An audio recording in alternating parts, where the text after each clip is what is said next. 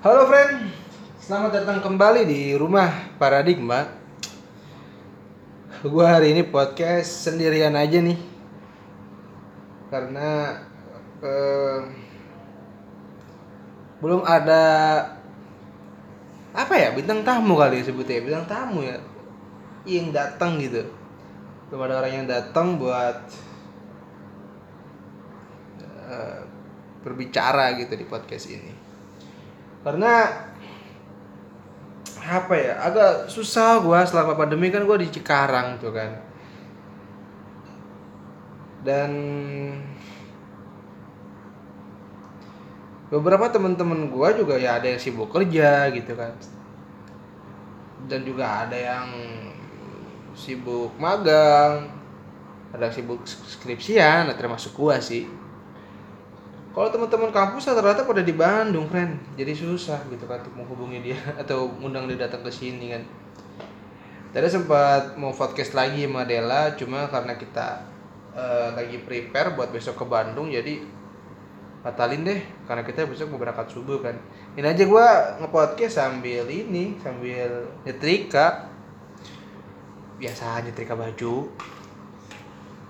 Nyetrika baju, celana, daleman gue nggak pakai bra ya gue laki. Terus ya banyak kan yang gue setrika sih. Bukan satu dua baju doang. Termasuk gamis gamis mak gue gamis adik gue padahal yang mau berangkat gue gitu kan. Tapi mereka minta sekalian digosokin aduh. Ya udahlah ya karena tadi uh, gue juga habis kantor Dela bukan habis kantor habis nemenin Dela uh, jualan. Badan kan cukup gak enak ya cukup capek lah lumayan lah.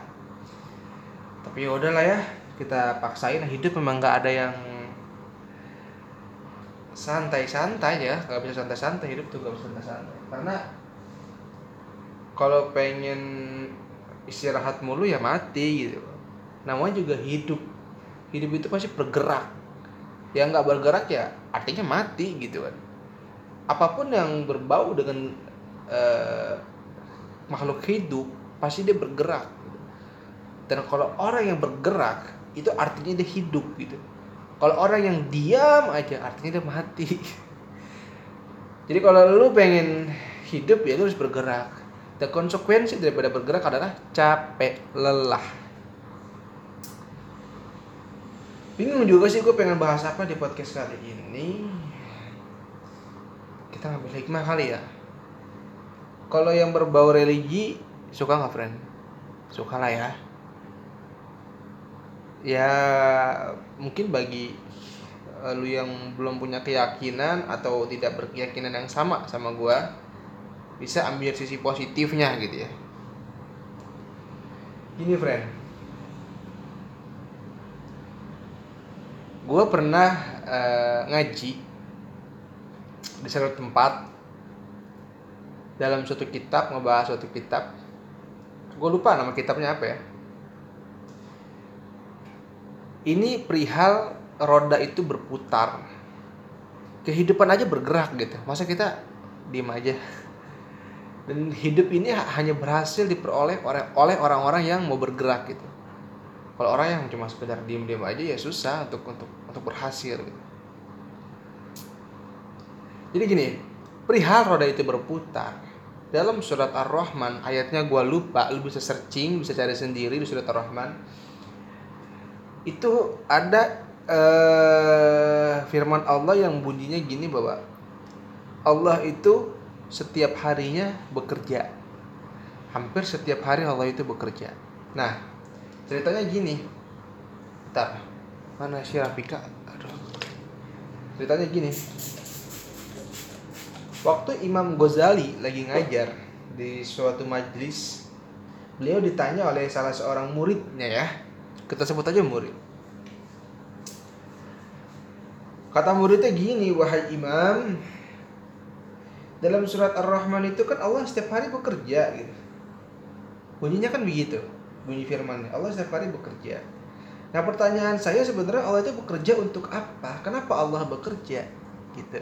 buat lo yang cuma kerjaannya nganggur orang nganggur kan nggak- kan nggak kerja ya buat lo yang kerjaannya nganggur orang nganggur ya nggak kerja apa dibilang lo kerjaannya nganggur buat lo yang diem aja pengangguran gitu malu atau Tuhan yang menciptakan lo aja kerja masa lo nggak kerja nah kita balik ke pertanyaan ya Allah kerja apa gitu kan kata si murid. Imam Ghazali belum tahu ini tafsirnya apa. Kita kan nggak bisa sembarangan mentafsir ya. Belum tahu tafsir ini apa gitu kan. Akhirnya kata Imam Ghazali oke saya jadiin PR dulu ya. Nah ini eh, jadi hikmah juga buat kita. Jangan sok tahu seorang imam besar aja yang namanya cukup dikenal dengan beberapa pemikiran-pemikiran yang bagus tuh kan. Imam Ghazali kalau dia nggak tahu dia nggak jawab lu imam bukan apa bukan sok tahu. Kan kadang-kadang orang gitu ya pada sok tahu nggak tahu tapi sok tahu. Akhirnya jadi PR sama Imam Ghazali tuh guys. So friend. Dijadiin PR sama Imam Ghazali. Di taklim pertama setelah pertanyaan beliau belum belum menjawab. Taklim kedua pun masih belum menjawab. Di taklim ketiga pun masih belum menjawab hampir setiap harinya sebelum taklim itu kan Imam Ghazali setiap malam tahajud minta minta ilmu sama Allah. Minta wahyu lah ibaratnya. Ya ilham ya Allah saya nggak tahu nih engkau bekerja untuk apa? Gitu kan. Mohon beri saya petunjuk untuk menjawab pertanyaan eh, murid saya. Itulah kalau pakai bahasa kita mah. Akhirnya sebelum taklim keempat Imam Ghazali mimpi ketemu Nabi Muhammad Shallallahu Alaihi Wasallam di dalam mimpinya Nabi Muhammad memberitahu ke Imam Ghazali apa pekerjaan Allah. Surat Ar-Rahman. Kata Nabi Muhammad Hai fulan gitu kan. Allah Subhanahu wa taala bekerja setiap hari untuk menaikkan derajat seseorang yang Allah kehendaki untuk naik derajatnya dan untuk menurunkan derajat seseorang yang Allah kehendaki dan juga Allah bekerja untuk memberi rezeki kepada hamba-hambanya. Gitu loh. Jadi hampir setiap hari Tuhan itu Allah itu memberikan rezeki buat hamba-hambanya. Dan mengangkat derajat seseorang sesuai dengan kehendaknya juga menurunkan derajat orang lain yang sesuai dengan kehendaknya. Jadi mungkin dalam dalam penafsiran gua Allah alam bisawab artinya hampir setiap hari ada orang kaya yang jatuh miskin bangkrut, ada orang miskin yang tiba-tiba kaya. Ya bukan tiba-tiba kaya juga, mungkin beliau miskin kaya karena usahanya gitu. Tiba-tiba usahanya jadi lari jadi banyak gitu. Ya, jadi Allah bergerak untuk itu. Kita nggak pernah tahu di hari apa, pada waktu apa Allah menaikkan derajat kita, friend. Kita nggak pernah tahu. Maka dari itu kita jangan pernah berhenti berusaha plus doa. Usaha tanpa doa, ya itu sombong. Dan juga itu menurut gua eh, membuat kita malah semakin lama untuk mendapatkan keberkahan, rezeki yang melimpah semakin lama kalau nggak ada doa. Tapi kalau disertai dengan doa, insya Allah akselerasi untuk mendapatkan keberkahan dan rezeki yang melimpah akan lebih cepat. Karena ibadah itu mempercepat akselerasi itu, termasuk ibadah tahajud. Gue ngomong tahajud, gue sendiri agak susah untuk tahajud, susah bangun. Lagi ya, gimana ya? Gue sih cuma berharap Allah bangunin gue tiap malam kan untuk tahajud tapi kadang bangun sih kadang enggak. Mudah-mudahan aja konsisten kita kan cuma berharap supaya istiqomah.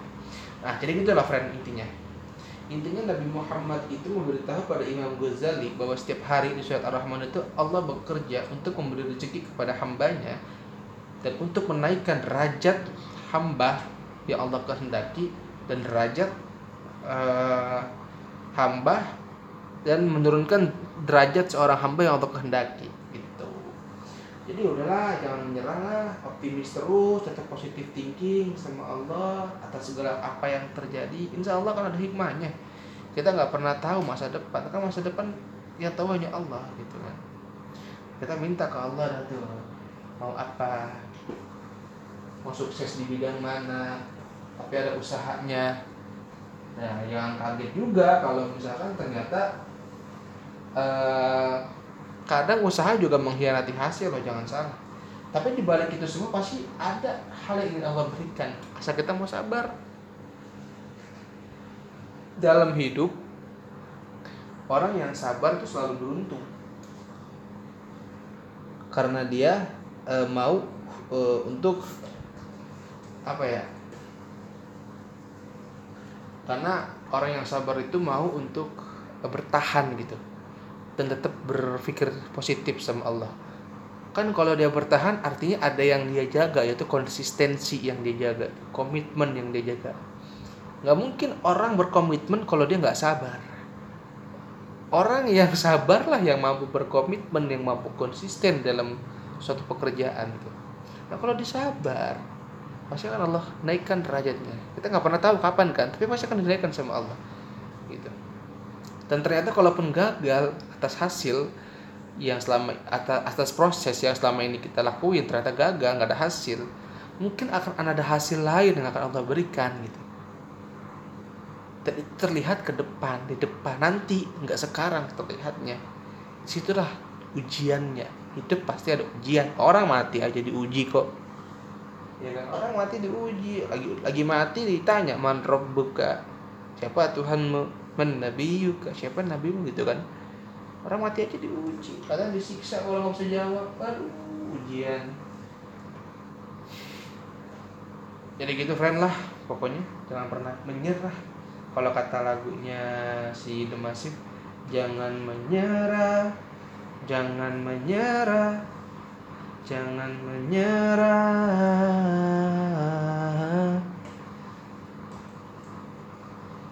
jangan lupa tuh kalau udah doa bagi yang muslim sholawat. Karena itu akan mendorong. Gimana? Sholawat ya bebas. Bebas mau gimana? Tapi kalau rasul masih rekomendasi Allahumma sholli ala Muhammad wa ala ali Muhammad baca aja gitu.